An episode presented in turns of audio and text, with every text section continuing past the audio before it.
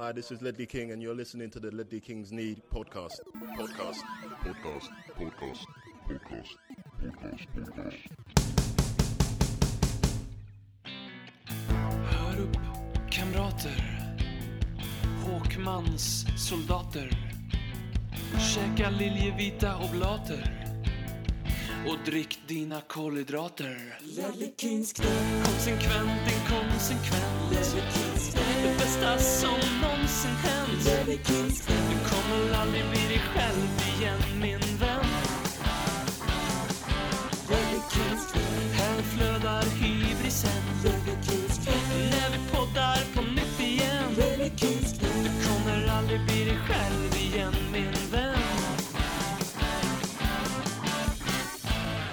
Varmt välkomna till eh, den inte helt bekymmerslösa podcasten om Tottenham, Ledley Kings knä. Robin heter jag och med mig har jag världens värmländskaste stockholmare, galjonsfiguren för råbiff, Per Frykebrant. Ja, tack så mycket. Det blir, det blir allt mindre råbiff de senaste åren. Men jag, jag ser mig fortfarande som någon form av galjonsfigur. Mm. Eh, jag vill bara säga, ni hör det. Det är, det är lite borrande här i huset idag. Jag ska försöka att vara så, så försiktig som möjligt med mina mjutningar och så vidare. Ja, det går nog bra. Mm. Vi säger också varmt välkommen åter i Ledley Kings knä till eh, den näst sista punkaren från Norrland, Erik Niva. Tack så mycket. Vem är den sista? ja, kan det vara eh, Maria, vad heter hon, Sahara Hot Nights eh, sångerskan kanske? Hon var väl aldrig punkare. Maria Andersson hette hon så. Var väl Ja, ett rockband från Robertsfors, Sahara Hot Nights. Jag såg dem Just det. aldrig som en del av våran scen, så nej, där får hon inget erkännande. Dennis Lyxzell borde ju vara äldre än dig va? Lyxzén är 72, vilket jag kan säga med säkerhet för att jag vet att han bjöd in till 40-årsfest mitt under EM 2012. Jag hade någon form av live-kontakt med 40-årsfesten från ett jävligt sjaskigt hotellrum i den nu av kriget avskurna Donetsk. Så Lyxzén är 72, ska faktiskt gå och se honom och hans band här i Stockholm imorgon när vi spelar Oj. in detta. De har släppt nytt nu, Refused va? War Music, eh, något vi alla behöver i våra liv. Verkligen. Ja, då, får, då är det ju ändå så att eh, frågan om vem som är den sista punkaren från Norrland fortfarande är eh, olöst. Jag vet inte om du har något bättre förslag, annars kanske någon lyssnare kan tweeta in det. Jag vill väl påstå att eh, några finns det nog ännu kvar i indianstammen som gör att det blir svårt att peka på den sista mohikanen. Du får nog vänta en halv generation till när folk verkligen börjar falla ifrån så, så, ska vi, eh, så kommer det utkristallisera sig. Ja, det gör väl det. Hur känns det att göra comeback i Lelle Kings knä? Jo, men det känns ju storslaget såklart. Det är ju ett sammanhang som förpliktigar så jag får försöka göra mitt bästa för att fylla skorna. Ja. Varmt välkommen åter. Sist, vi, sist du var med så sågs vi bland eh, massariner och dammsugare på Lundbergs konditori i- Gröndal där du bor. Då pratar vi framförallt om varför du håller på Tottenham, eh, vilket delvis kan tillskrivas eh, Nico Klasen eh, lärde vi oss då. Eh, idag så samlas vi lite mer digitalt eh, för att diskutera samtidens Tottenham. inbillar mig att ljudet blir bättre. Det måste ju ha varit massa massarin och kaffekoppsklinksinslag så det här borrandet borde ju vara försumligt i jämförelse. Ja, men Ja. vi, vi sa det innan att är det någon gång man kommer ha överseende med det så är det väl, så är det väl nu i alla fall. Men jag vill lyssna tillbaks till eh, eh, på det där avsnittet eh, nyligen här och det var, eh, det var inte det var inte 2020 kvalitet på ljudet. Men det var slutet av Vias Boas-eran också, vill Ja, jag exakt. minnas. Mm. Det var precis innan Sherwood eh, tog över, eh, så vi hann ju aldrig snacka om det. Jag, jag erkänner inte den perioden i vår klubbhistoria så det är lika bra att den, eh, att den tigs ihjäl även framgent. Ja. Det, det har varit ett turbulent Tottenham-år. Dåliga resultat i, i framförallt Premier League blandat med lite ovissa och tärande kontraktsituationer på, på senior, seniora spelare och skapat lite sunkig dimma runt, runt klubben just nu och sen givetvis toppat med det här sentimentalt tuffa avskedet av Pochettino. Men mitt i den här sandstormen så, så sökte vi efter en, en dia, diamant och, och det äventyret spred lite ljus i de liljevita leden. Det är ju precis, det är ju givetvis Champions League-äventyret som jag eh, pratar om här. Jag tänkte vi kunde kort börja bara för att sprida lite glädje här igen som man ska göra i juletider. Du var ju där Erik i Amsterdam den Mm. kvällen. Kan du, kan du åter upp, berätta och få oss att återuppleva dina minnen från den kvällen lite grann? som Äh, det är såklart svårt att göra rättvisa i ord men det är ju viktigt att komma ihåg att eh, liksom det negativa och det pessimistiska och känslan av att saker och ting inte stod rätt till. Den hade ju verkligen hunnit sätta sig redan. Vi var ju utspelade av Ajax i första matchen precis som vi var underpresterande i de flesta matcher under hela våren. Och det innebar ju att det var inte med några höga förväntningar som jag åkte ner till Amsterdam. Det var ju en sån här bonusdag. Oj, Tottenham i Champions League-semi. Tänk att man ska få uppleva detta. Synd att vi inte kommer kunna göra oss själva rättvisa. Det var ju lite med den känslan som hela dagen fram till avspark eh, flöt förbi och det är ju på ett sätt rätt behagligt. Det är mycket värre att ha någonting att förlora rent mentalt. Så det innebar ju att liksom hela torgsamlingen och hela liksom tiden fram till match den var inte så ångestladdad som det så ofta annars kan vara. Liksom det räcker ju att vi möter Arsenal hemma i oktober så tycker jag det är jättejobbigt med stormatch. Men det gjorde jag inte riktigt den här dagen utan det var inget att förlora. Liksom kul, kul att vara här. Och det var ju tacksamt och det gjorde väl också att det gick lite bättre att överleva under matchens första knappa timme. För om vi inte redan hade förlorat det så hade vi fan i mig förlorat det efter den tiden. De gör 1-0 direkt och liksom släcker hoppet redan då. Och sen gör de 2-0 före paus bara för att liksom understryka hur jävla jävla långt borta vi verkligen är. Men när de väl hade nått den punkten var det som att all logik och all rim och reson bara kastades över bordet. Då var det inte längre en match som spelades likt andra matcher utan då var det ju anarki. Och tacksamt nog tillät ju detta unga begåvade Ajax det att vara anarki. De fortsatte ju spela som om de inte hade något att slå vakt om. Liksom skicka fram båda mittbackarna på en frispark i sammanlagd 3-0 ledning efter en timme. Det är väl kanske inte det bästa man kan göra. Och det innebar ju att vi klöste oss tillbaka in i matchen. Först den där fantastiska jävla omställningen som är 1-2. Sen den grova Llorente-missen som borde har förhindrat oss från att göra 2-2. Men sen vispar ju ändå Lukas in det. Och visst, då är det ju ett annat mentalt läge. Då är det ju spännande och då är det ju infernaliskt nervöst sista 20-25 minuterna. Men fortfarande har vi ju inte riktigt något att förlora. Och det är ju alltjämt Ajax som är klart, klart, klart mycket bättre. De har ju bollar i stolpen och de har bollar som slickar stolpen och de borde ju verkligen ha avgjort det där. Sen hade väl i och för sig vi också våra chanser i och med att det förblev en öppen match. Det är ju den där när Fertongen nickar i ribban och sen inte får till returen. Men när sen klockan tickar upp på 95 eller mot 95 så konstaterar man väl bara faktum att ja, det var väl helvete att det blev så här igen. Det kanske nästan bara var påfrestande att vi ändå var nära för det kommer göra det svårare att tugga i sig.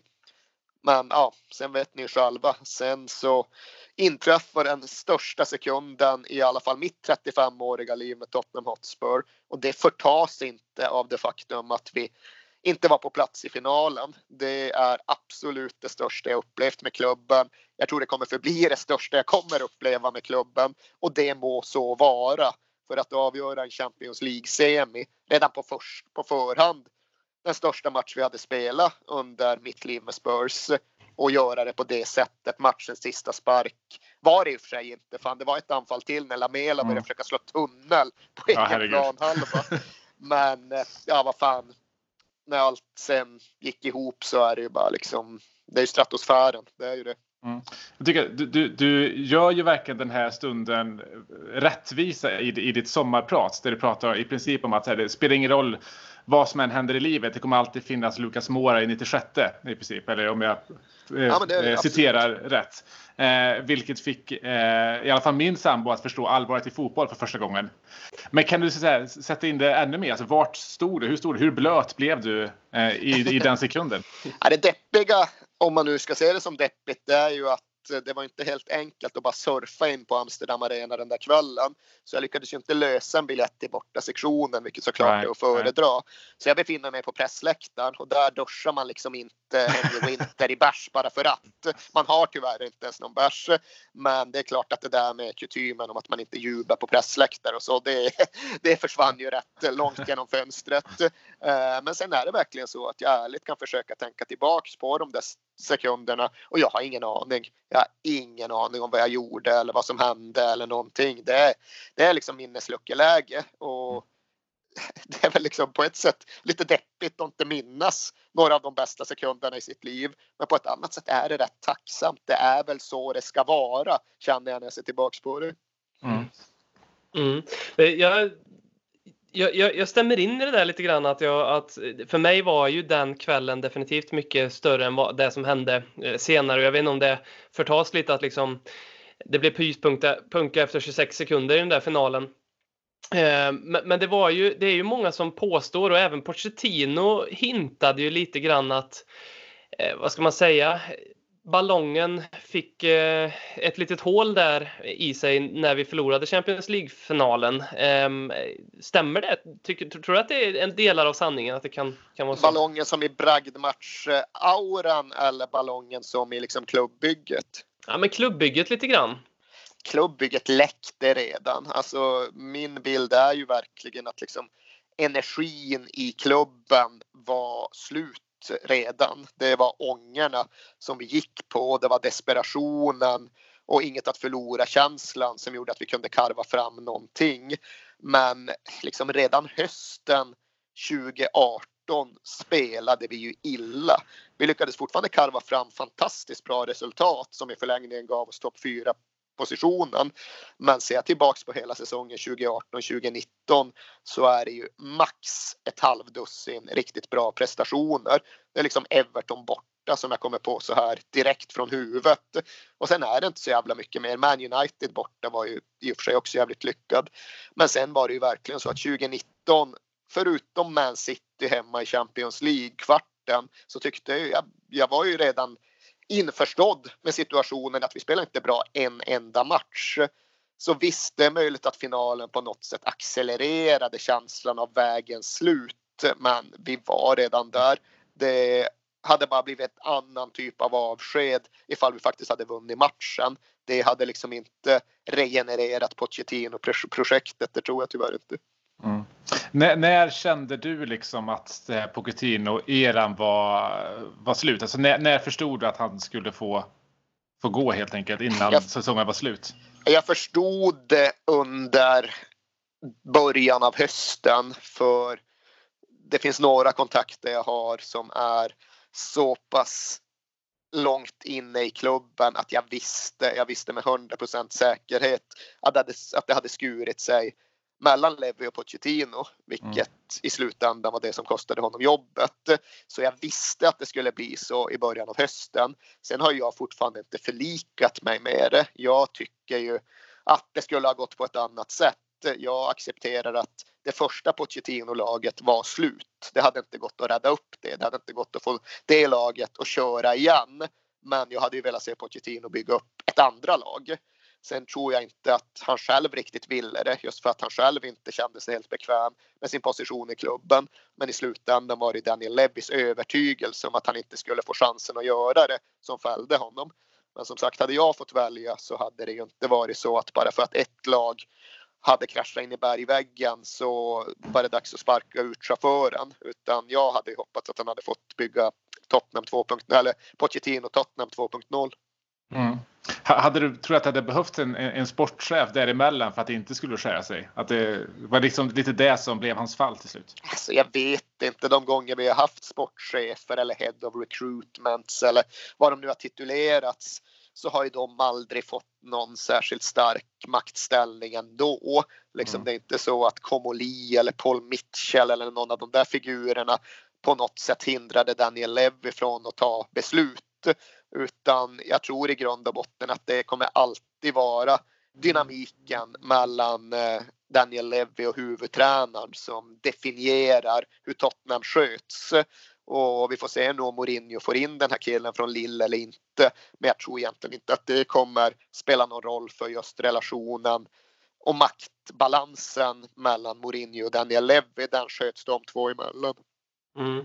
Du, på, på, du har ju haft eh, på, under dina 35 år som Tottenham-supporter då dels höjdpunkten Amsterdam, men sen så i samband med att Pochettino fick avskedet eh, och Mourinho anställdes så, så twittrade du ut att det här är det sämsta som hänt under mina 35 år som, som Tottenham-supporter. Står du kvar i den känslan?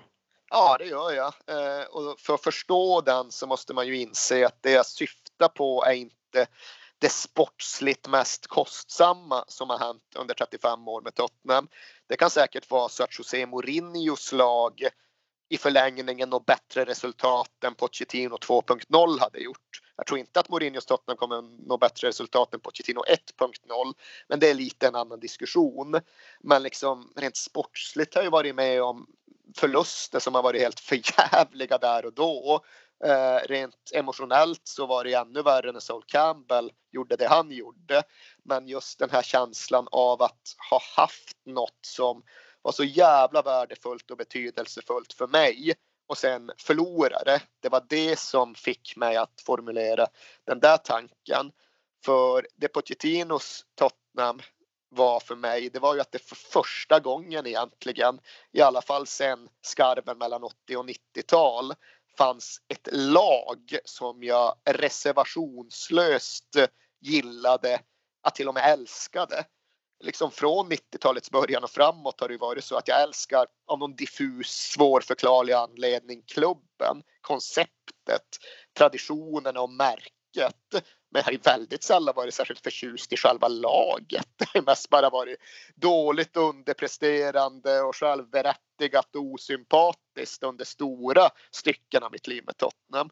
Men här var det ju för första gången ett Tottenham som även nere på planen fungerade i linje med mitt eget rationella intellektuella fotbollsideal.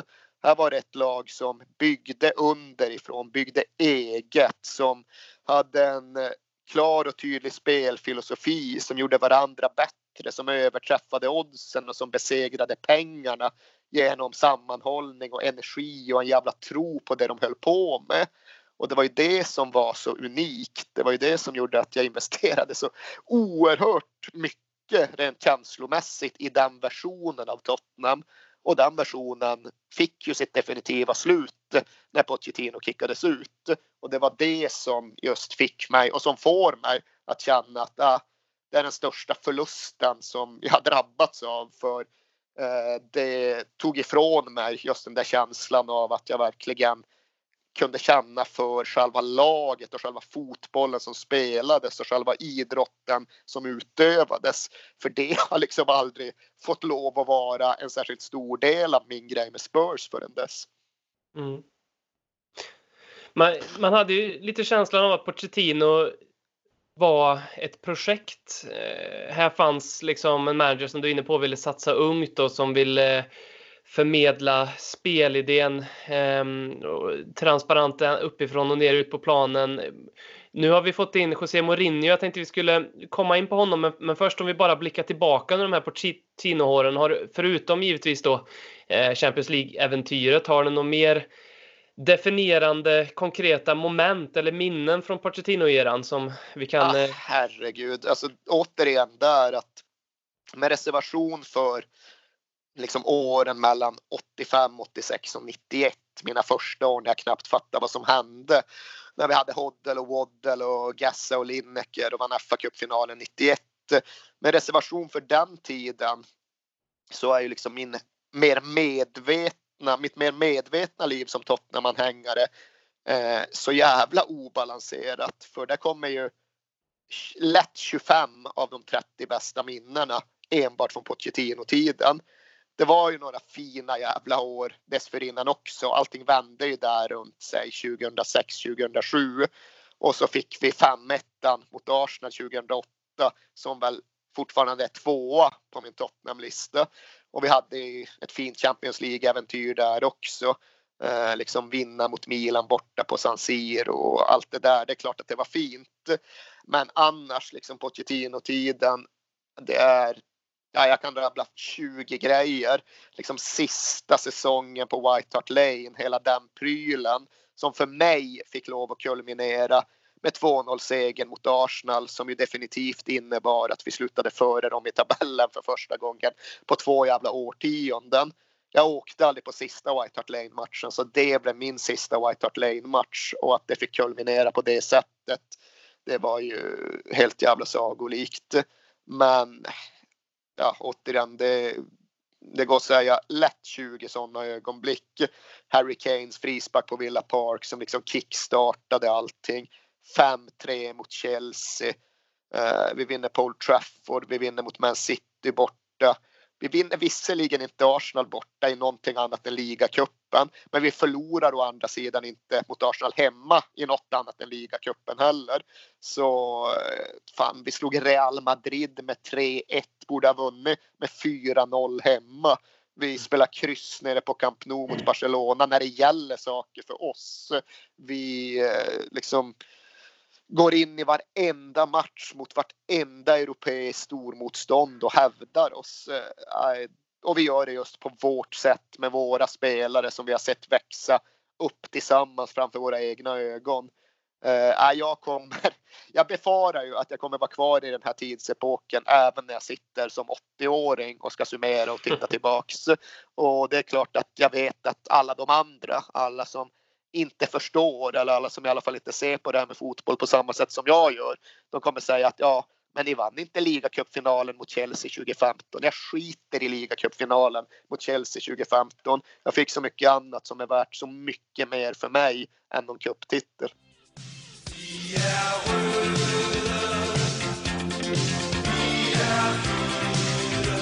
Hej, mitt namn är Christian Eriksson. Jag är 7,5 halvfjerds år gammal och jag spelar offensiv mittfältare i Tottenham Hotspur. Jag kan också spela central innermitt och högeroffensiv och ibland också vänster offensiv mittfältare. Jag befinner mig nettopp i höjdpunkten av min karriär och jag är ledig nu efter en ny utmaning. Om du är intresserad kan du ringa min agent, Mr Preben Prebensen, på nummer 756 halvfjerds 34 98. Ha det!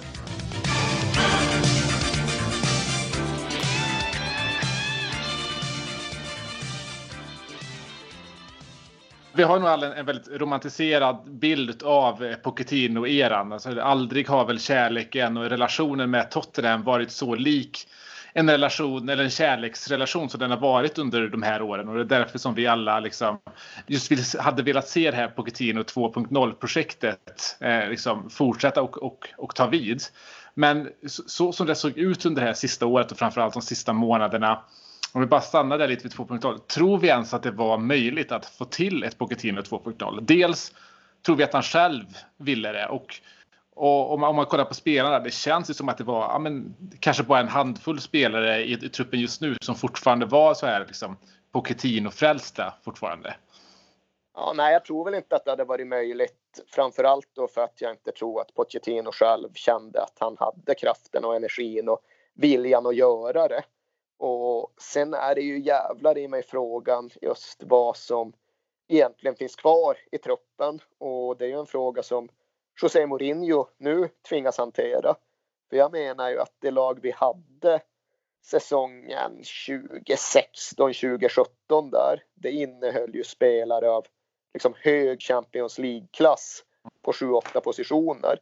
Idag så är det egentligen bara två positioner kvar och prata i de termerna kring och det är Harry Kane och, och Hengminsson.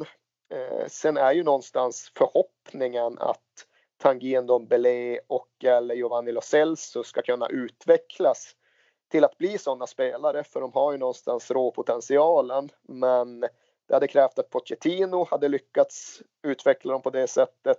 Nu krävs det att Mourinho gör det och ja, det, det vette fan alltså hur hög tilltron är till att han ska klara av just den, den grejen. Han klarar av mycket med just den grejen. Mm.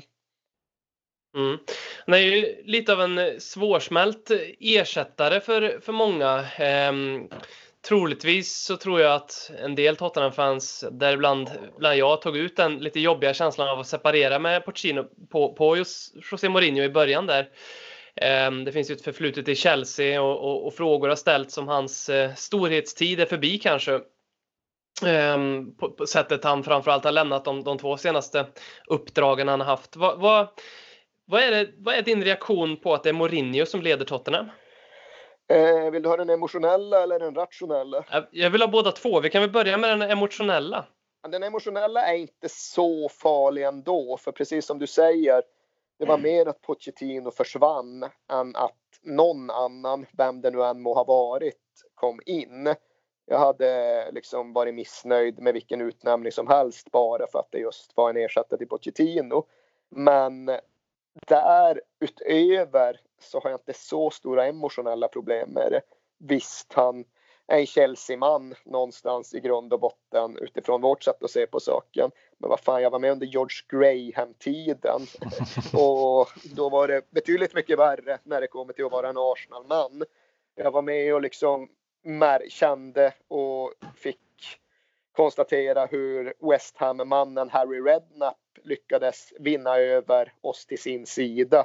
För det gjorde han väl, även om det aldrig var reservationslöst. Så den grejen tror jag väl ändå ska gå ihop. Det är inte så mycket att det var just José Mourinho. Det var mer att det inte längre var Mauricio Pochettino. Mm. Och den eh, mer rationella sidan av det då? Eller? Ja, det mer rationella det är ju just att jag tror att det blir svårt. Och det är ju utifrån det faktum att José Mourinho aldrig har varit en projektbyggare. Han har aldrig varit en visionär. Han har aldrig varit en tränare som jobbar på lång sikt. Och jag tror ju verkligen att det är det som krävs. För ifall man skulle ha tagit in José Mourinho för två år sedan då hade det väl gått att hävda det här men liksom naturlig vinnare, vet exakt vad som krävs, får eh, de små detaljerna att gå sin egen väg i de mest avgörande matcherna. Och ifall man då hade det, det Spurs som fanns då, det som borde ha vunnit FA Cup semis mot både Chelsea och Man United, ja då kanske man hade kunnat tro att Mourinho var mannen som fick oss att ta det där sista lilla klivet över vinnarkanten. Men det Tottenham som finns nu, där jag liksom uppenbarligen, eller äh, ärligt talat har svårt att se något annat än att sju spelare i startelvan behöver växlas ut de närmaste åren och ersättas med lågbudgetspelare som sen ska utvecklas till stjärnor bra nog att, ja, vad ska de göra egentligen? Komma topp fyra räcker väl inte? De ska vinna stora titlar och få ihop den ekvationen. Det är ju svårt på gränsen till omöjligt för precis vem som helst. Och jag har ju ärligt talat svårt att se så värst mycket i José Mourinhos bakgrund som indikerar att han skulle vara mer lämpad än alla andra kandidater till jobbet. Så vad är det egentligen vi vill? Vad är det vi tror att vi ska åstadkomma? Är det att vi ska ta klivet från att vara en nästan-klubb till att bli en klubb som vinner Premier League eller Champions League? Då kan jag verkligen inte se vilken Mourinho-vägen dit är.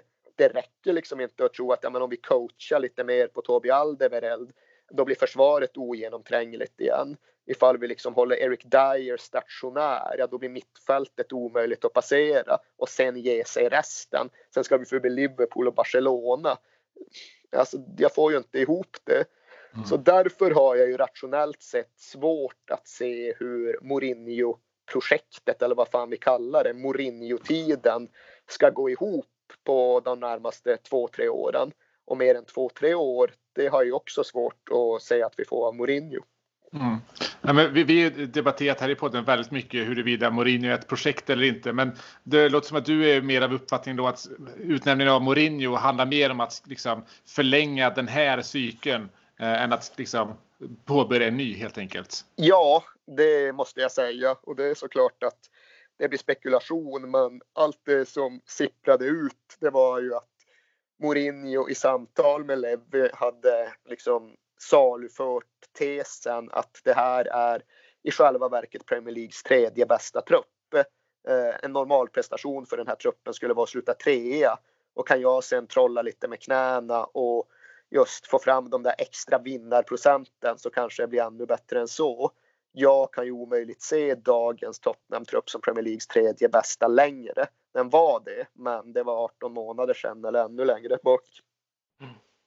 Kan han eh, trolla med knäna tror du? Du, du är inne på det lite att eh, Tottenhams värvningsfilosofi är ju att hitta den här Deli Alli för 5 miljoner pund och sen eh, hoppas på att han växlar upp. Eller, eller kan det vara så att Livi i och med utnämningen av Mourinho tänker själv att för att ta nästa kliv, om Pochettino var för att etablera oss i topp 4 så är Mourinho eh, att etablera oss som en titelvinnande klubb. Kan det finnas eh, Ja, men om man tittar på allt som händer kring med ny arena, eh, marknadsföringen i, i, i, USA, NFL och alla pengar som vi, som vi gör, att Livi är redo att öppna plånboken mer?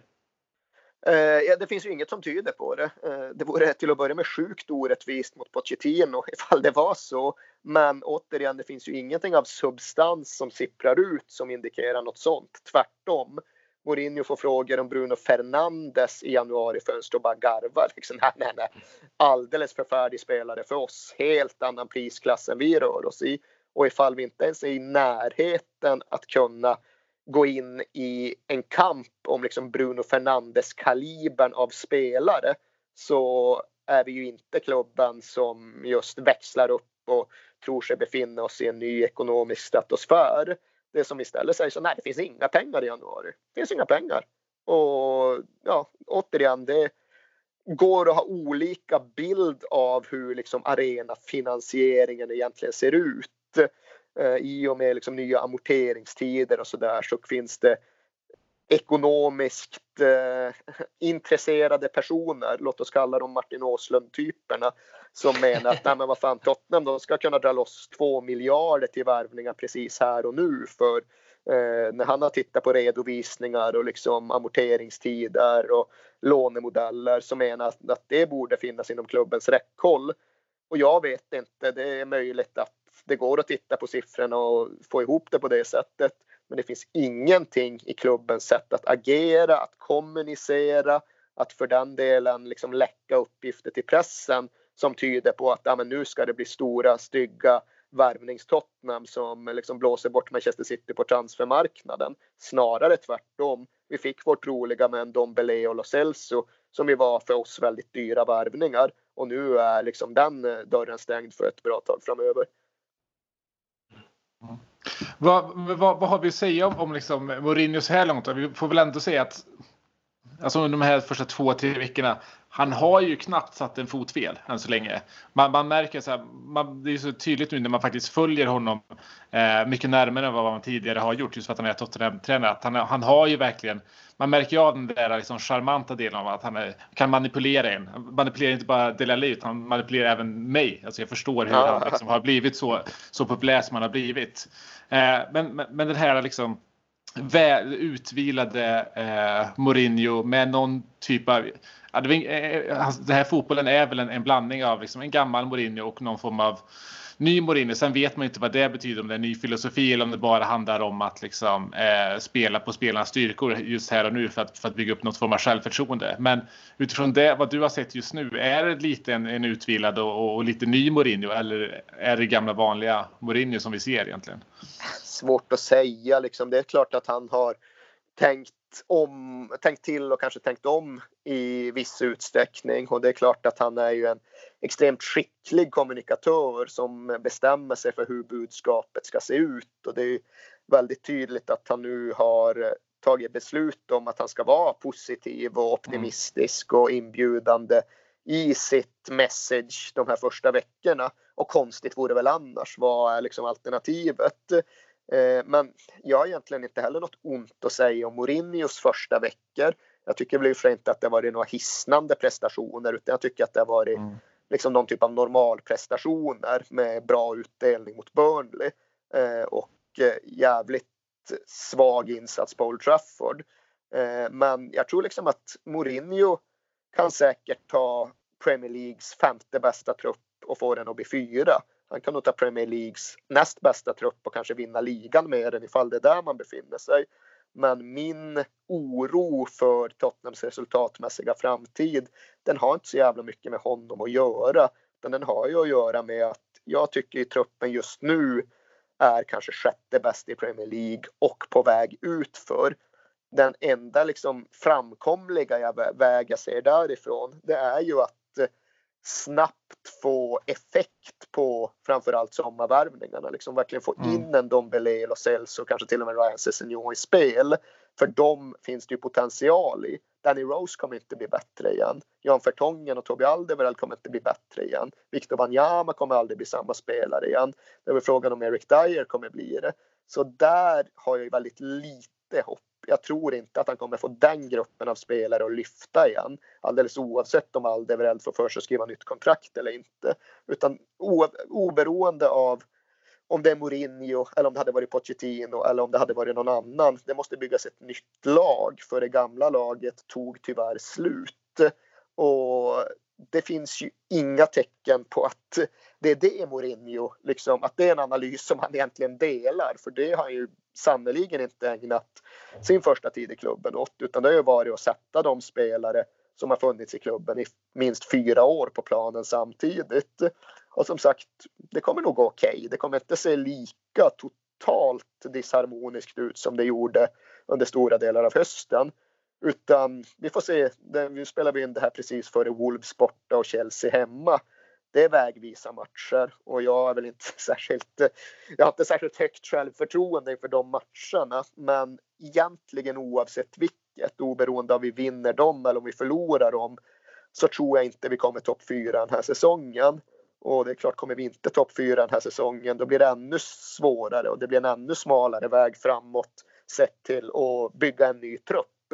Så jag vet ju att det finns väldigt många som känner för Tottenham ute i Sverige som tycker att jag alltid är för negativ och liksom pessimistisk. Och det gör de med visst fog eftersom att jag är ju i hög utsträckning formad på 90-talet då allt verkligen gick åt helvete konsekvent och permanent. Men hur liksom bistert rationell och hur jag försöker se på den här situationen så, så har jag svårt att se hur Tottenham ska få ihop en en klubb som ja, till att börja med slutar topp fyra men därefter kanske till och med tar steget, steget upp och vinner titlar med den här truppen. Det, ja, jag, jag får inte riktigt ihop det. Jag vet inte hur ni känner. Ja, men, eh, den omedelbara reaktionen när eh, José Mourinho blir utsedd och, och liksom jag hinner smälta det här med att vi eh, har skilts ifrån Pochettino. Det, det var någonstans, jag blev, jag blev lite nytänd, jag är precis som du Erik, alltså när nu, jag är inte, jag är någon generation yngre höll jag på att säga, men, men eh, när vi leder fortfarande med, med 3-1 i 91 minuten så den största delen av min hjärna tänker att ja, jag är ett kryss. Eh, Exakt. Så, det, det, är liksom, så är det fortfarande. Så West Ham borta och Bournemouth femma, det var ju just kryss kanske liksom. Ja, ja visst, det var ju liksom, jag, jag blev inte förvånad att det blev 3-2 i de matcherna så där, utan jag tänkte mer att åh, vi höll undan liksom så där. Um, men och jag har Ledley Kings knä. Vi, vi, är väl, jag vet inte vad du säger Per, men vi, vi brukar ju vältra oss lite i cynism och, och bitterhet. Det är väl åt det hållet vi tenderar. Um, och, ja, att, att, att, att liksom, det finns ju ingen som kan anklaga oss för att vara positiva i alla fall. det hedrar det. Så, så att, eh, men, men jag, och jag, för med Mourinho känner jag lite att han har han har mycket att bevisa. Jag, jag, vill inte ta så mycket ställning till honom nu. För mig spelar det inte så stor roll att han har tränat Chelsea och var, Jag är mer orolig i så fall för det som han visade upp när han kastade Luke Shaw under bussen vecka in och vecka ut. Liksom. Eh, och att vi ska få att han ska lämna Tottenham här om några år när vi ligger på 14 plats och alla spelare känner sig liksom inte ens vatten värda och Harry Kane och Dele Alli och, och gänget har dragit för att eh, de, de, de, de har, deras arbetsmiljö har varit förfärlig. Liksom. Det, det är jag rädd för för. Ehm, men sen känner jag den, den lite positiva grejen är ju att eh, vi, alltså vi, vi pratade om det för någon podd sen här att det är ett ganska bra betyg för både Pochettino och Tottenham att vi lyckas få José Mourinho som manager. Ehm, som är en av de mest framgångsrika managerna vi har i, i modern tid i alla fall. Ehm, och att han tränar Tottenham, det är ändå ett, det, det ger mig lite energi faktiskt. Nej, men det är ju ett bevis på att klubben såklart har vuxit. Vi är ju en helt annan klubb idag än vi var när Pochettino tog över. Dels som en konsekvens av hur alla bra han gjorde det. Dels som en konsekvens av att vi har arenaflytten avklarad och överstökad. Men som sagt, det jag är nyfiken på, det jag egentligen tycker är pudens kärna här, det är ju egentligen inte för eller mot Mourinho. För jag tror bara att han kan göra så mycket åt vare sig ena eller andra hållet. Men det är ju den där farhågan om att ja, men, truppen är kollektivt, inte för gammal, men för energilös. Och det måste hända väldigt mycket mer än. För just nu så har vi bara Kane och Son och möjligen Dele Alli som någon form av spelare av internationell klass. Köper ni den bilden eller är det jag som är just alldeles för svartsynt där?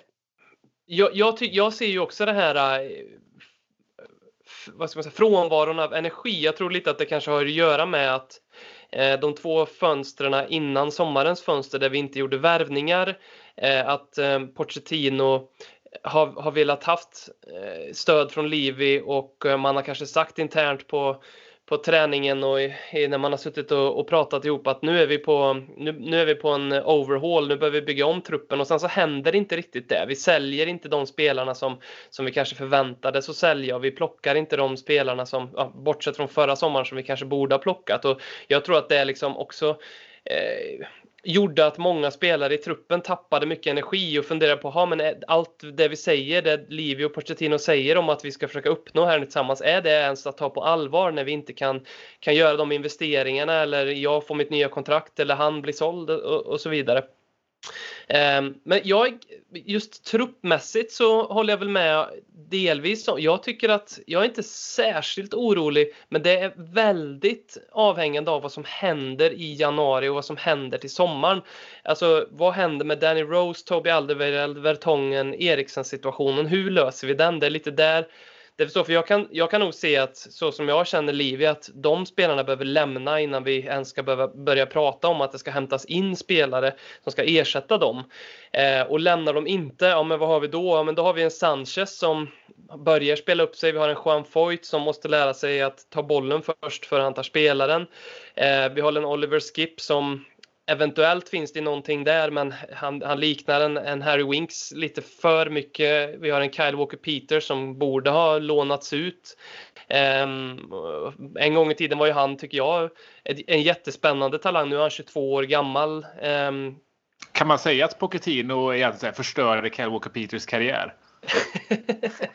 jag tycker att han gav honom en chans till en karriär som han förmodligen inte hade haft annars. Jag är ju medveten om att det är jävligt få unga egna spelare som ens får en möjlighet i brittiska topp 4, topp 6 klubbar. Kyle Walker Peters fick ändå den chansen. Jag tycker tyvärr inte han har tagit den. Han fick ju sjukt nog pris som man of the match där Newcastle borta. Mm, hans allra mm. första start. Men det var ju bara på någon form av sympatikvot. Så jävla bra var han ju inte. Jag tycker väl inte att han har visa några tecken på att det finns en topp 4-spelare där i. Jag tror att eh, han, han ska nog vara glad ifall han spelar Premier League-fotboll överhuvudtaget om fem år. Mitt tips är väl att det är kanske är över halvan av Championship eller någonting. Mm, mm. Men oavsett vilket, liksom, hur vi än räknar upp och värderar här, det är ju liksom, det är inte någon uh, utmana topp 1, uh, topp 2, topp 3 Premier League uh, killar vi får fram. Nej, det, det, det har det varit eh, väldigt skralt med. Men jag tycker ju så här om, om alltså, det du sa där kring att vi har liksom den sjätte bästa truppen i Premier League. Jag tror det, det kan vara till och med ganska negativt även för den här podden. Eh, ja, men det är inte nödvändigtvis utifrån vilka spelarna är Nej. och vilka namn de har och vad de har gjort. Men det är utifrån också var de befinner sig i sina mm. karriärer och var de befinner sig i relation till Tottenham. Som sagt, den som tycker att Tobi Aldeverell tillhör Europas bästa mittbackar. Den personen vet jag inte om eh, han eller hon har sett honom spela särskilt mycket de senaste två åren överhuvudtaget. Det tycker jag absolut inte. Danny Rose är inte i närheten av vad den spelare han en gång var.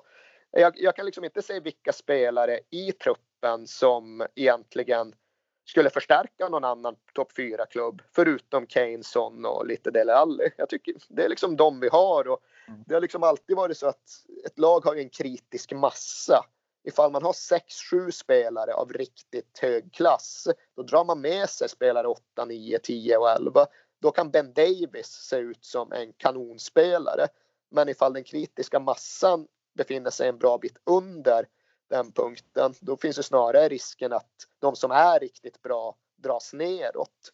Och nej, jag kan inte vrida, vända, på något sätt få fram det till något annat än att men vi har tre riktigt bra spelare och vi har potential i en Dombele, Lo Celso och kanske Cessenio. Jag har sett Cessenio för lite.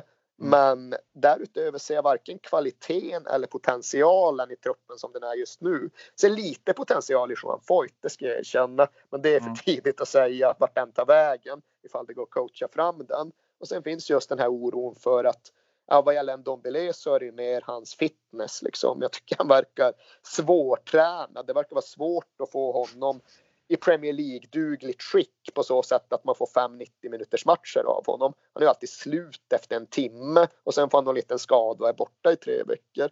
Och Lo Celso verkar inte få något förtroende överhuvudtaget. Men där ser jag i alla fall potential. Annars liksom tycker jag att truppen är rätt låg på potential just nu. Mm.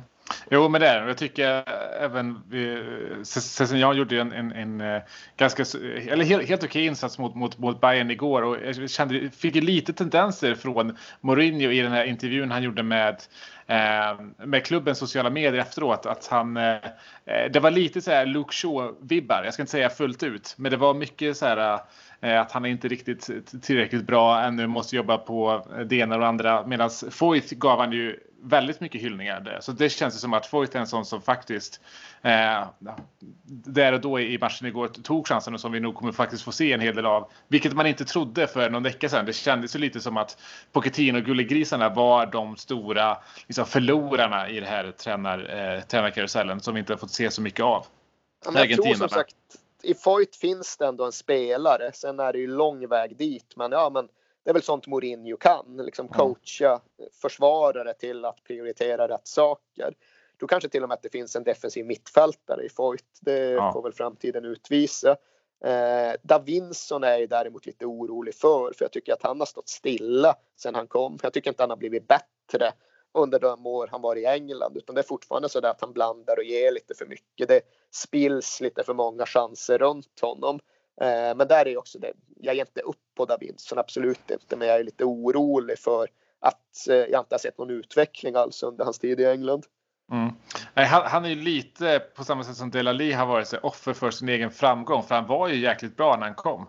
Eh, och har ju liksom inte, eh, första säsongen var han bra, andra säsongen eh, levde inte alls upp till, till nivå och nu är han väl strax under där han var när, när han kom. Eh, men är, är ju fortfarande ung, men, men man, man jag håller med om att man, eh, man blir mer och mer tveksam när man inte får se liksom, de här stegen framåt från honom.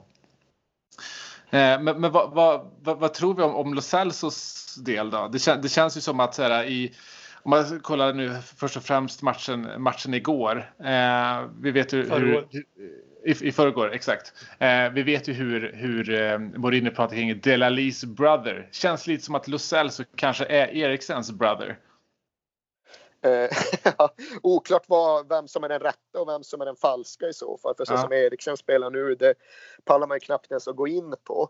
Ja, men jag tycker Los Celso, det är helt öppen. Det är han som river fram målet till Cessignon. Han kan ju göra saker som ingen annan än ja, den gamla Eriksen, Eriksen som inte är sin egen falska bror, kan göra i truppen.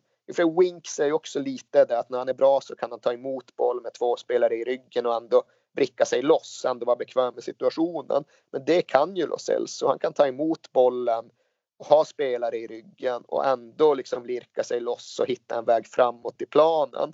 Han kan liksom kombinera för det är väl någonting som jag också har lite farhågor kring. Det är ju vårt offensiva spel när det inte bara är omställningsspel. För när det är omställningsspel då är det klart då funkar det att dra iväg med sån och med Dele och med Lukas Mora för då är det bara att mm. springa och utnyttja farten. Men alla de tre är ju uppriktigt sagt svåra att spela tillsammans med. Son och Lukas de kör ju bara ner huvudet och så springer de och det funkar rätt ofta för Son för han är så jävla bra. Och det funkar väl någon enstaka gång för Lukas för han är inte alls lika bra. Men ingen av dem är enkla att kombinera med att förhålla sig till. Och det är uppriktigt sagt inte Dele Alli heller. Dele Alli är ju som bäst när han bara kan komma på andra vågslöpen in i straffområden och liksom göra något själv med fart. Men när han får tid på sig med bollen, ja då ska det ju liksom tunnlas och det ska lyftas över försvarare och det ska göras grejer med väldigt hög risknivå och ganska liten payoff. Och allt det där funkade ju alltid så länge Eriksen fanns där och just band ihop allting när han spelade, ja, när han var så jävla bra och fick ett helt lag att flyta offensivt. Nu när han inte längre, ja, när det inte går att räkna med honom överhuvudtaget så är det svårt med offensivt spel som inte är omställningar. Och där finns ju ändå en förhoppning. Ja, men kommer Lo Celso in i spel? Det går att kombinera med honom. Det går att ge honom bollen i tajta lägen och inte bli av med den. Så jag skulle tycka det var en jättestor förlust ifall det inte blir mer än så här. Ifall mm. det som faktiskt fortfarande bara är ett lån bara går tillbaka till Betis och vi förlorar en massa pengar och en spelare med en jävla kapacitet. För han har grejer som jag inte ser någon annan spelare i truppen minus Eriksson ha. Mm. Ja, nej, verkligen. Jag håller med. För, och, det, och det känns ju tyvärr så att vi går mot att så här, Los Angeles kommer bli en what if-spelare lite grann. För jag kan inte se, i en 4-2-3-1 så kan jag inte se en naturlig position för honom att liksom utvecklas i. Det, för det är ju Delalis position såklart. Men under Mourinho så kommer han ju aldrig gå före. Ja, men låt han spela som Eriksen gjorde. Eriksen utgick ju formellt sett från en av kanterna och Dele Alli var tia liksom. Sen gick ju bara Eriksen vandrade inåt och spelade ju nästan lika mycket centralt som han gjorde. Han var ju ingen just Lukas Mora ytter. Men jag tycker att när vår offensiv har varit som allra bäst, då har det ju varit med Kane, Eriksen, Alli och Son. Så skit i Lukas liksom. Låt någonstans Lo Celso bli han kommer aldrig bli en naturliga självklara Eriksen-ersättare men han är det närmaste vi har. Han är den spelaren som i teorin kan bygga anfallsspel snarare än att bara förlita sig på omställningar och fart. Jag har ganska svårt att se att um, jag, jag först, först och främst är det ganska svårt att se att Tottenham klarar en Champions League plats den här säsongen. Fan vad eh, negativa ni är. Jag är så, jag, jag ja. Och för det andra har jag då med, med, med det liksom sagt ganska svårt att se att Lo Celso spelar i Tottenham nästa säsong därför att jag tror absolut inte att eh, Livy kommer öppna plånboken i januari för att binda honom till klubben så lite som han har påverkat eh, Tottenham under den tiden han varit här. Um, och sen så tror jag väl att i, när sommaren kommer och Livi säger okej okay, Mourinho så här ser din budget ut. Uh, då kommer nog Mourinho säga okej okay, men skit i Lo Celso då så får jag köpa de, de här spelarna i alla fall. Ja, någon fysisk jävla innermittfältare och, och så vidare och så vidare. Och det, det må vara, men det innebär ju just att vi förmodligen kommer gå mot ett lagbygge som i väldigt mycket högre utsträckning blir ett omställningslag som i väldigt mycket högre utsträckning blir ja, men lite till Chelsea var. Alltså, nu säger jag inga jämförelser i övrigt, men bara för att klargöra ungefär hur det ser ut. För alltså Chelsea, när de var som bäst med Mourinho under hans första år, då stod ju de lågt och bara samlade in grejer med John Terry och Carvalho och Gallas och sen ställde de om en satans fart med Robben och Daffe och sen kom Drogba och Cuba Target och så Lampard på andra våg. Och inget fel på det spelsättet liksom. Det är inget moraliskt överordnat med att spela annorlunda.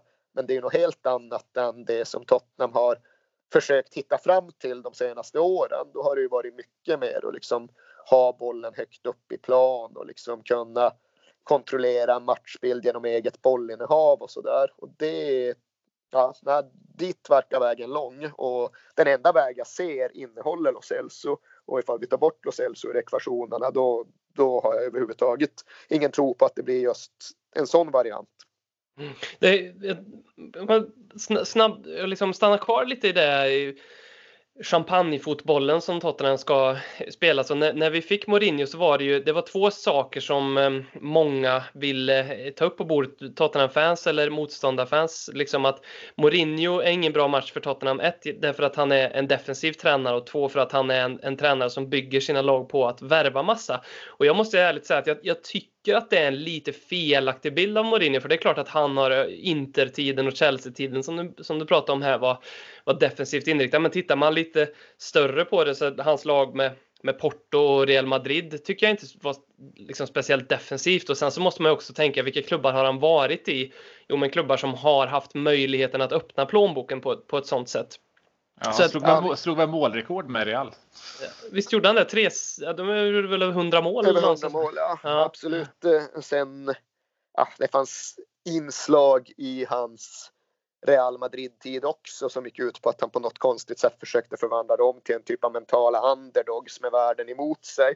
Men det må väl vara hänt. Men det är klart att när vi å ena sidan säger att fan vet hur Lo Celso eller någon spelare med hans karaktäristik ska få plats här så är det klart att vi ska väga in att Mesut Özil aldrig så bra som han var i Real Madrid under Mourinho. Mm. Deco var ju kanske den viktigaste spelaren i José Mourinhos Porto. Så visst finns det sådana exempel också. Men det är väl bara just att utgå. Det viktigaste, den viktigaste empirin vi har, det är ju inte vad Mourinho gjorde i Chelsea för 14 år sedan, utan det är ju vad han gjorde i Tottenham för 14 dagar sedan. Och det han har gjort i Tottenham, det är ju att ställa just ett fysiskt omställningslag på benen snarare än någonting annat. Det har ju inte varit att försöka just få in de mest passningsskickliga, mest bollsäkra spelarna. Och återigen, jag har egentligen inga så ideologiska problem med det. Jag tillhör inte de som tycker att ett spelsätt är överordnat enligt alla fotbollsfilosofins parametrar.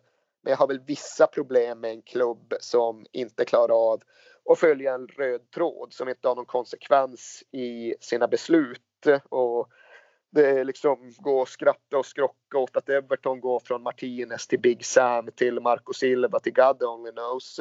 Men det finns ju liksom där någon form av inslag som jag inte är helt bekväm med. Att ifall nu Tottenham ska byta manager så kan jag tycka att det på ett sätt hade varit sympatiskt eller förtroendeingivande att bygga vidare på det vi hade försökt skapa de senaste åren snarare än att då, jag ska inte säga att vi vände 180 för det är en överdrift, men vi går ju absolut till något annat, en annan typ av kraftfält, så blir det ju. Mm. Lite samma känsla som när vi anställde Santini en gång i tiden. Det fanns ett eh, bra track record där, men det var ju en, eh, en manager som älskade att vinna med 1-0 än idag vet jag faktiskt inte vad Santini stod för för fotboll. Jag lyckades aldrig lista ut det under hans få månader i Spurs på samma sätt som jag aldrig lyckades lista ut vad Tim Sherwood egentligen företrädde för spelmodell. Det var för suddigt och för konturlöst. Absolut bästa med Santini-tiden var ju att vi fick Martin Joll som liksom konsekvens av honom och där någonstans så började det ju vända det var ju, var ju fan det första positiva som hände med Spurs på 15 år att Martin Joll var Martin Joll. Mm. Mm. Men tycker, om det någonstans det känns lite intressant och liksom potential just nu så är det ju staben för, för Mourinho. Eh, liksom Pochettino, det, han var ju potentialen i sig. Han, hans, hans stab, jag vet, man älskar ju Jesus Perez, men han var ju mest söt. Liksom. Fan, jag vill eh, höra mer av din analys kring varför vi har högre förtroende för 30-årige Sacramento än vi hade för Pochettinos gubbar. det är för att han känns, det är för att han känns det som en fram... substans i, känns det som. det är för att han känns som en framtida Pochettino. Vi kommer, vi kommer sitta här om fem år och få tillbaks vår Pochettino. Det kanske finns den röda tråden där. Vi, fro, vi, liksom, vi fostrar nästa Pochettino. Ja, jag hoppas du har rätt, men jag måste erkänna att jag tror att det mer handlar om eh, önsketänkande än faktabas i nuläget. Men som sagt, jag hoppas jag, jag, hoppas jag har fel. Jag vet inte, jag har ingen uppfattning om honom. Nej, eh, han gjorde ju sitt första liksom, mediala framträdande här nu i veckan. Eh, första gången fick se honom prata överhuvudtaget. Eh, men han gjorde väl, för visst var han eh, lite interim va, under, efter, eh, i, i Lille när Bielsa fick gå. Ja, Så han körde några matcher. Han, har ju liksom-, liksom, han har ju ett bra CV. Han, har ju liksom, han är ju välutbildad och han har ju hunnit med mycket trots sin ringa ålder. Men jag läser ju bara till och ser vart han har varit. Jag har ju liksom ingen egen uppfattning om hur hans yrkesprestation verkligen har sett ut i Monaco. Det, var det, det vore bara en lögn att påstå. Mm. Ja, men ut, utifrån dem han har haft som sina mentorer så borde han i alla fall vara världens bästa assisterande tränare. Jag hoppas du har rätt. Det riktas ju lite grann om att, om att vi är ute efter Luis Campos. Eh, mm. vi, prat, vi pratade om det förut, eh, sportchefsfrågan lite grann. Det är ju märkligt det här. Vi, vi, vi har ju en, alltså, för allmänheten väldigt okänd Rebecca Capelhorn eh, som Director of Football Operations. Jag vet inte om det är någon form av så här, eh, sportchefsroll eller vad, vad, hon operativt har för ansvar och så där. Men, men kan du se eh, att det här citattecken nya Tottenham med spännande framtidsnamn som Joao Sacramento med flera eh, också går efter en sportchef här nu?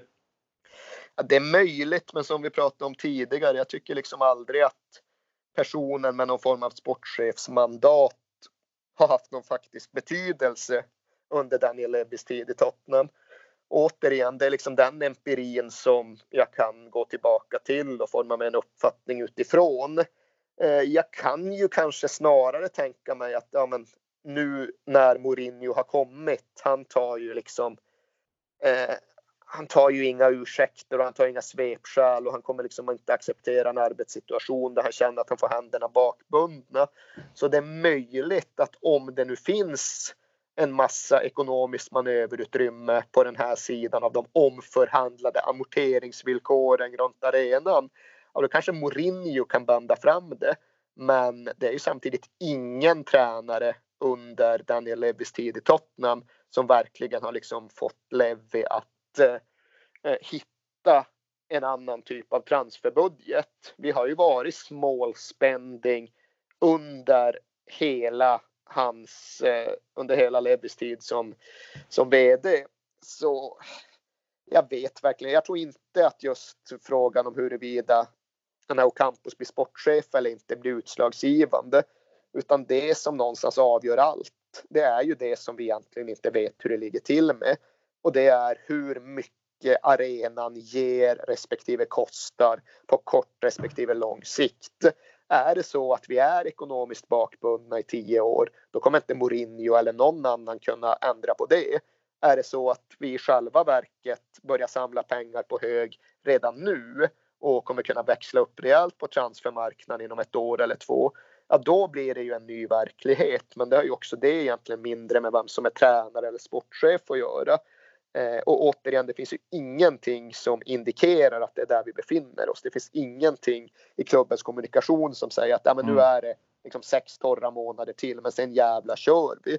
Utan allt som fortsätter kommuniceras är ju att nej, annan modell, vi ska inte spendera mycket, vi måste hitta en annan variant. Unga spelare, billigare spelare utvecklas. Det, det budskapet har ju liksom inte förändrats i och med att Mourinho har kommit in. Och där tror jag trots allt att hela pudens kärna ligger. Ja, men jag håller med dig. För alltså det enda som skulle kunna förändra på det nu, det är väl om det skulle bli, ja men säg ett NFL-franchise som, som eh, som vi blir någon form av hemmaarena för. Det, det, skulle liksom ställa allt på sin, eh, på sin ända. Men det, det, det, det, kommer inte hända direkt imorgon. Så. Men samtidigt, ja, Luis som... Campos, så, eh, eller förlåt, fortsätt. Nej, men det som redan har hänt och det som nu kommer att solidifieras och förverkligas det är ju faktumet att hela Brexit-skiten mm. innebar ju såklart att vi drabbades på ett sätt som ingen annan europeisk fotbollsklubb har drabbats. Över en natt blev ju liksom hela arenan 3-4 miljarder kronor dyrare. Och det är ju inte pengar som någon annan ger till oss. Det är mm. pengar som vi själva måste återskapa genom den sportsliga verksamheten. Och liksom 3-4 miljarder. Hur stor skillnad hade inte det gjort? Mm, liksom mm. föreställer, nu funkar det inte så i Daniel Levitts Tottenham, men föreställ att det inte hade blivit någon Brexit. Då hade det i teorin inneburit att vi hade haft 3-4 miljarder kronor att göra annat för. Men nu blev det Brexit och nu liksom cementerades det beslutet i och med det brittiska valet igår när vi spelade in. Och det är ju den typen av verklighet som Tottenham kommer behöva förhålla sig till. NFL-franchise, vi får väl se, kanske det. Vad innebär det i så fall ekonomiskt? Brexit, ja, det blir så, det är definitivt. Och det kostar och det kostar mer för oss än några andra, såklart. Mm. Även Brexit känns lite som när Chelsea vann Champions League all over again. Så det är klart att det drabbar just oss. Exakt, det är lasagnen fast på en annan, annan nivå. Liksom. Exakt, Men det är just att man tenderar ju att liksom inte se skogen för alla träd som det så ofta sägs. Man vill så gärna att det ska gå att hitta tro och förhoppningar just nere på träningsplanen. Men kanske Sacramento är ett geni. Men kanske Ocampos kommer in med någon jävla scoutingöga. Mm. Och allt det där kan väl göra skillnad. Men ramarna förflyttas ju inte. Och ramarna ser ju rätt bistra ut. Men Pochettino lyckades liksom spränga ramarna. Och nu krävs det att vi lyckas spränga ramarna igen. Och det är ju liksom att hitta tron på det som är det nödvändiga för hela klubben. Det är liksom det Mourinho måste lyckas med. Och ja, alltså, jag säger inte att han är illa lämpad för det egentligen. Jag säger bara att det är jävla, jävla tuff, nästan omöjlig uppgift för precis vem som helst. Mm, mm. En bra, bra summering egentligen om um, vad i stort sett har varit en, en röd tråd eh, den här dryga timmen. Jag vet att du, du har ett Lucia-tåg du ser väldigt mycket fram emot att eh, eh, sticka och kolla på här strax. Men vi, vi har lite, vi har två sista frågor här som eh, vi, vi, kan sätta punkt för eh, den cyniska delen och, och spekulera lite grann, lite grann här. Vi, du du har ju en omåttligt populär och, och, och, rätt så podcast här nu, When We Were Kings igång. Mm. och då kan du väl lista ut vad frågan blir här, men vilken säsong kommer du göra en When We Were Kings avsnitt om Tottenham? Sista säsongen på White Hart Lane. Det är ju liksom någonstans det mest förtrollade året av alla trots Champions League-våren. Liksom att vi har sista året på den arenan och vi går 17-2-0 på hemmaplan. Och jag vidhåller ju att Leicester-året, där förlorade vi fan ingen liga. Liksom, där var vi aldrig egentligen nära. Även om vi kanske inbillade oss annat kvarten efter att Harry Kane hade gjort 2-1 på Arsenal. Men vi var ju aldrig within touching distance av serieledningen egentligen. Däremot kan jag känna att den tröga säsongstarten därefter, svackan i oktober, november parallellt med att Pontes jävla Chelsea överpresterade så inåt helvete. Det kostade oss i så fall den enda ligatitel vi skulle ha haft. För det lag vi hade sista året på White Hart Lane när det flög som det gjorde framförallt mot slutet av säsongen. Vi har aldrig flugit så högt i prestation. Liksom, det var inte det att vi vann matcherna. Vann vi med fyra så var det normalt. Vann vi med sex, vann vi med sju så var det inte ovanligt. Och liksom det laget, Loris innan han hade börjat sjunka ännu mer. Walker och Rose som ytterbackarna var som bäst. Aldevereld Fertongen när de var som bäst. Wanyama Dembélé när de var som bäst. Och så Eriksen, Allison och Harry Kane. Det laget skulle nog fan ha vunnit ligan. Mm. Ja, vi har varit inne på det ganska många gånger. Det är en period vi, vi väljer att romantisera. Um, och om det någon ja. gång kanske blir en, liksom någonting, någon Tottenham-tatuering till här så tror jag det kan bli ett Tottenham 2015 till 2017 kanske. Det sjuka är samtidigt, vad fan gjorde vi i Europa den säsongen? Åker ur en mm. Champions League-grupp med Bayer Leverkusen och CSKA Moskva. Sen Europa League mot Gent. Jag åkte ner till Gent borta och sett Tottenham med alla de här spelarna, vi i stort sett ordinarie lag, förlora mot Gent. Liksom vad fan, vad var det? Ja, det är en, det är en bisök. Du var ju, på tal om podcast, du var ju med i eh, Statistiska, Statistiska centralbyråns podd här. Eh, ja, där, där, Superväntat ändå att vara med i den. det där hör hemma. Verkligen. Väldigt kul att de har en podcast tycker jag. Eh, du briljerade. Johannes Kleris som driver den är gammal kollega till mig därav medverkan. Okej, okay. ja du fick ju i alla fall lite chans att briljera där Ehm, i ett quiz. Eh, men vi tyckte väl lite, kanske lite grann att det var lite väl lätta frågor. Ehm, så att vi tänkte vi skulle avsluta här nu med tre statistikfrågor. Eh, frågorna som borde varit i Statistiska centralbyråns podcast till, till Erik Niva. Ehm, den första lyder så här. Vem var Tottenhams bästa målskytt säsongen 2001-2002? jag vet inte fan om det har så mycket med statistik att göra, men nu ska vi tänka tillbaka 2001, 2002. Det var säsongen innan Robbie Keane kom, för Robbie Keane kom sommaren 2002. Rebrov var väl knappast med. Det är nog fan så att det alltjämt var Les Ferdinand. Nej. Det, det, nej, det, den, den person som har figurerat i ledarläger också på Tottenham i Tottenham-sammanhang senare. Syd, sydamerikan. Sydamerikan, bästa målskytt sa du? Mm. Vi hade en sydamerikan som figurerat som ledare som bästa målskytt. Nu är det ju någon superblackout såklart. Mm. Så att det måste, måste ju vara jättetydligt. Vad har vi haft för offensiva sydamerikaner överhuvudtaget? Uruguay. Den, Jaha, Gus Poyetto. Uh, jag var fast i Maurizio Taricco, så jävla offensiv. Jo, han vann faktiskt skytteligan. han gjorde ju någon fin frispark, det gjorde han ju. Ja. Rebrov vann ju faktiskt, gjorde han inte, vann inte han interna skytteligan året innan? Även om man så uttjatad, skrattad som man är så tror jag faktiskt han gjorde det.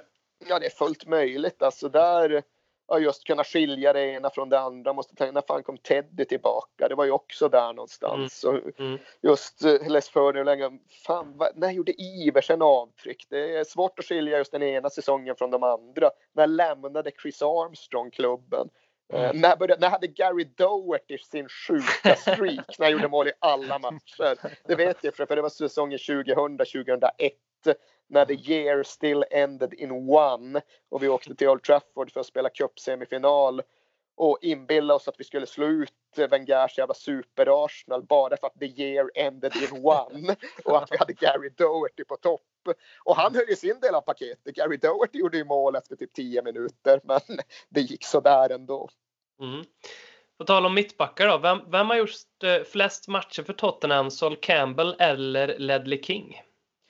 Det här är bara taskig. Ja, den är ju bara taskig. för jag antar ju då att det är Sol Campbell i och med att Ledley var så jävla mycket skadad. Eh, så jag befarar att det är Sol Campbell. Faktum är att det är en liten slamkrypare, för de har faktiskt gjort exakt lika många matcher. 315 oh. stycken. Mm. Fan, Ledley det... skulle gjort en till. Ja, eller hur? Det, det, var det första jag kände också. dels så, så, så, trodde jag faktiskt att Campbell hade gjort fler, men, men när jag såg det så tyckte jag att, att, inte, att det inte snackats mer om det. Um, att det är exakt samma, ja nej.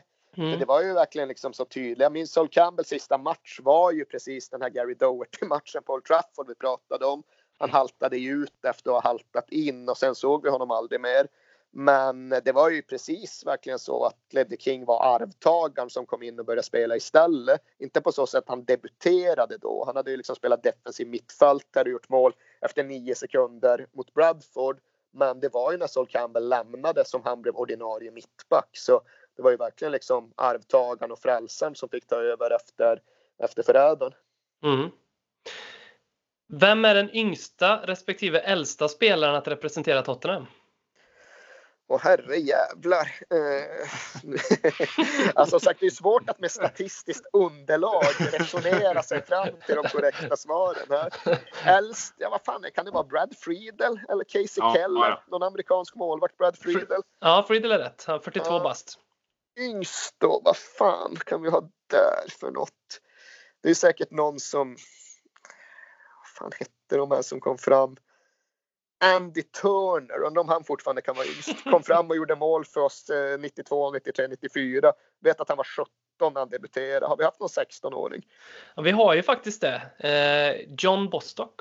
Jaha, ja. Mm. Som numera, man ser honom ibland när eh, nu är det inte lika ofta längre, men när vi fortfarande hade svenskar i Toulouse, när någon skulle intervjua Jimmy Durma som hatet, då såg man John Bostock susa runt i ett skägg där bakom honom.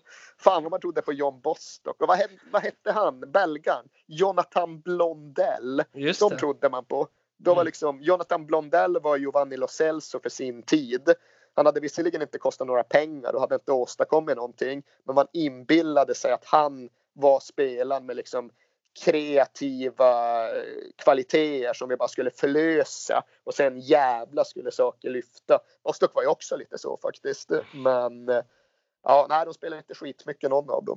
Det var väl någon rättstvist med Bostock också med Crystal Palace. Jag vill minnas att eh, vi, vi norpade honom från dem och rätten fick avgöra på något vis om, om transfersumman sen. Och sen så tror jag faktiskt att eh, Crystal Palace eh, gick ut och drog in John Bostocks pappas eh, säsongskort på Crystal Palace för att ja, jag, det här kan jag minnas fel. Jag tror att det finns någon story där. Vi hade ju någon sån där med hans Secchi Friars också, att vi höll på att mm. låna in och låna ut honom gentemot Crystal Palace bara för att lura fram pengar. Eh, jag vet inte fan vad som hände med Secchi Fries. Det var ju ändå rätt nyss. Han borde man ju ha koll på. Faktiskt vänsterback va? Eller mitt, ja, mittback, exakt, ja. exakt. Mm. Vänsterback. Mm. Ja, men eh, ett rätt i alla fall. Ja, det var inte skitbra, men det var inte skitlätt heller. Jag känner ingen så direkt skam över att jag inte tog dem, så jag, jag får tugga i med det. Nej, det är bra. Pojet var ju alldeles för segt såklart, men ja, ja. Så är det. Man får tugga i sig det. Stort eh, tack för din medverkan i, i en, en, eh, ett härligt bittert, lite cyniskt och, och svartmålande avsnitt av Lelle Kings knä. Som vanligt får man väl ändå säga då Per. Eh. Ja, verkligen. Vi, vi ser ju väldigt mycket fram emot When We Were Kings avsnittet nu i alla fall eftersom vi får höra pitchen. Här. Ja, nej, det får ju komma vad det lider helt enkelt. Men ja, det är bra om ni som sagt har ett eh, lite dystopiskt tonläge till vardags. För jag inser ju också att det här är inte den mest upplyftande prognosen som jag sitter på. Men call it as I see it. Och det är liksom det vi har pratat om. Det är en rättvis redogörelse för var jag befarar att Tottenham befinner sig just nu. Om inte annat, så, börjar, om inte annat så slutar ju nästa säsong med just en etta. Så att, eh. Nej, den, den dog ju tyvärr. Vi gjorde inte skitmycket 2011 heller. Så den dog ju där på Old Trafford med Gary Doherty och Sol Campbell. Tack så jättemycket Erik. Du får springa till eh, Lucia-firandet. Ja, det ska jag göra. Tack själva. Ja, tusen tack. Hej. Ha det fint nu. Ja, Hej. Konsekvent,